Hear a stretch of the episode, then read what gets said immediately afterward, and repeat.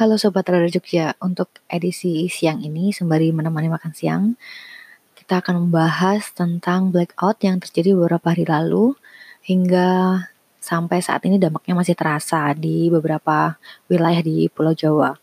Dan berdasarkan headline Koran Jawa Pos edisi Selasa Pon 6 Agustus 2019 ini ganti rugi blackout mencapai 840 miliar. Dana itu untuk 21,9 juta pelanggan yang terdampak listrik uh, padam.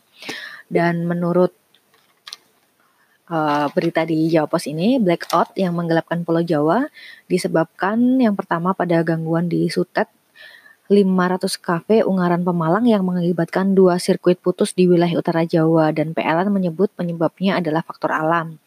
Kemudian satu sirkuit di wilayah selatan Jawa sedang dalam pemeliharaan. Satu sirkuit lain tidak bisa menahan seluruh beban dan di sistem Jawa Bali terdapat empat sirkuit untuk menyalurkan listrik.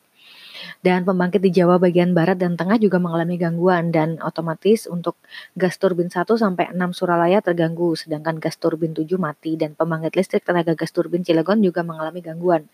Dan wilayah yang terdampak di antaranya DKI Jakarta, Bandung, Bekasi, Cianjur, Cimahi, Cirebon, Garut, Karawang, Purwakarta, Majalaya, Sumedang, Tasikmalaya, Depok, Gunung Putri, Sukabumi, Bogor, dan Brebes. Dan hingga perkembangan sampai 5 Agustus pukul 12 siang kemarin, pembangkit yang sudah menyala yakni di PLTU Suralaya 3 dan 8, pembangkit Priok Blok 1 4, pembangkit Cilegon, pembangkit Muara Karang, PLTP Salak, PLTA Saguling, PLTA Cirata, Pembangkit Muara Tawar, Pembangkit Indramayu, Pembangkit Cikarang, PLTA Jatiluhur, PLTP Jabar, dan 23 gardu induk tegangan ekstra tinggi. Untuk ganti rugi senilai 80 840 miliar ini dihitung dari 20 21,9 juta pelanggan terdampak pemadaman listrik dengan perinciannya 4,47 juta pelanggan berada di DKI Jakarta, 14,2 juta pelanggan di Jawa Barat, dan 3,2 juta pelanggan di Banten. Dan nilai kompensasi tersebut setara dengan pemberian listrik gratis selama 2-4 hari dengan pemakaian bervariasi.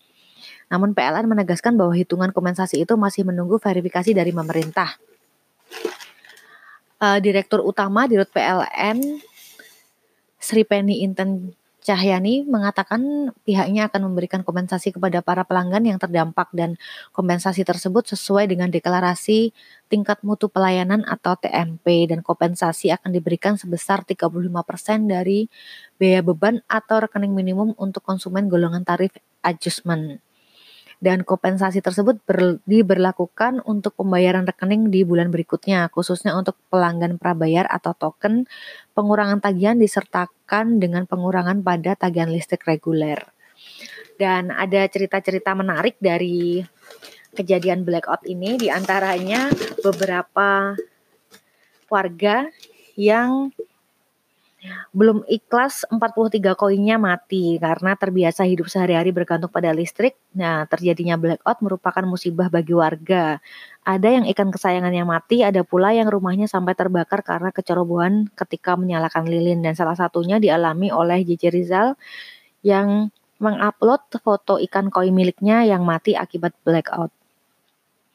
Nah, kita berharap uh, persoalan ini bisa segera diselesaikan karena ternyata banyak sekali dampak yang yang terjadi akibat blackout ini dan isu yang berkembang saat ini yakni energi terbarukan yang nantinya akan menjadi solusi uh, tenaga listrik di masa depan. Dan sekian dulu podcast yang hari ini. Kita akan ketemu di podcast-podcast selanjutnya. Bye.